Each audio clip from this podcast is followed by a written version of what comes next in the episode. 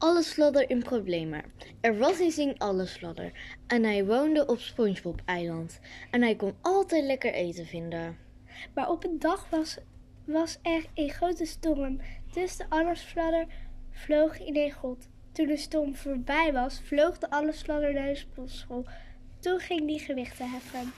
En toen liet hij een gewicht op zijn klauw vallen. En hij schreeuwde, auw! En toen kwam er een dier helpen. En zei, gaat het? En toen zei Allesfladder, ja, het gaat wel. En, en toen vroeg de Allesfladder, hoe heet jij? Ik heet Streepjesman. Hoe heet jij? Ik heet Allesfladder. Hé, hey, jullie gebruiken mijn gewichten. En ze zeiden, oh-oh, kom, we gaan snel weg. En de roofgangster zei, kom terug. En toen ging, ging de roofgangster achter Streepjesman en Allesfladder aan. En toen zei Streepjesman, kom, we gaan in een grot.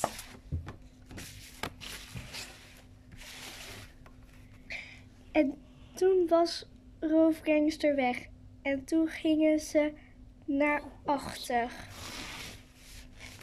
En toen werden ze opgezogen en ze kwamen terecht in een snoepje, in snoepjesland. Maar roofgangster kwam eraan. Dus sprongen ze in de poort met al, allemaal snoepjes. Dus Roofgangster zat opgesloten in Snoepjesland. Einden.